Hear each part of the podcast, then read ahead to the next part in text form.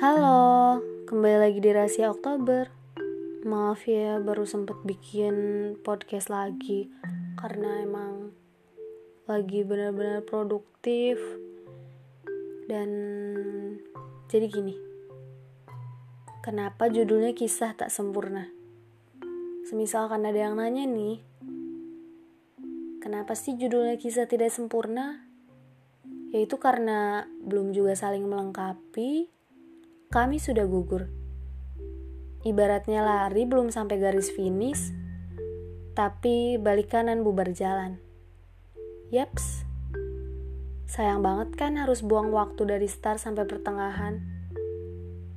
Padahal masih banyak yang belum sempat saya sampaikan termasuk tentang rasa ini yang padahal sudah menemui pemiliknya, namun masih menunggu.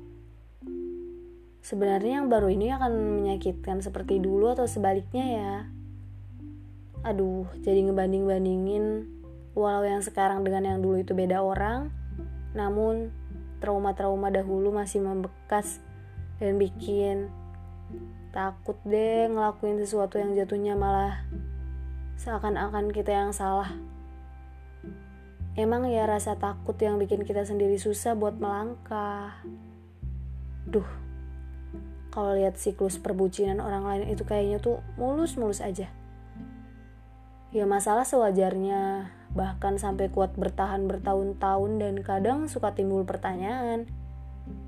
Kok kuat banget sih bertahan gitu? Apa nggak sakit?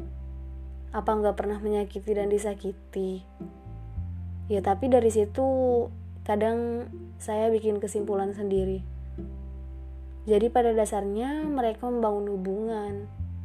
Ya kayak ngebangun rumah aja gitu. Walaupun udah rusak dan memilih untuk memperbaiki. Bukan meninggalkan. Dan saya salut sekali. Karena mereka bisa banget ngelakuinnya itu. Aduh, belum juga menyatu udah bubar duluan. Padahal niat di dalam hati untuk memulai sudah mulai tertanam. Tapi yang datang kecewa lagi. Eh, ngomongin kecewa. Jadi saya keinget ucapan mantan yang bilang, emang kamu aja yang kecewa karena hubungan ini berakhir.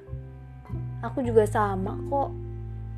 Dan di situ juga saya baru sadar kalau selama ini bukan hanya saya yang tersakiti, tapi dia juga.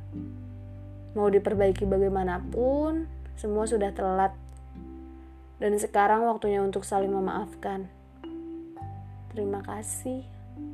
Karena luka kemarin membuat saya paham dan banyak memetik pelajaran yang selama ini tidak saya sadari bahwa mantan adalah pengalaman pilu yang paling menyenangkan.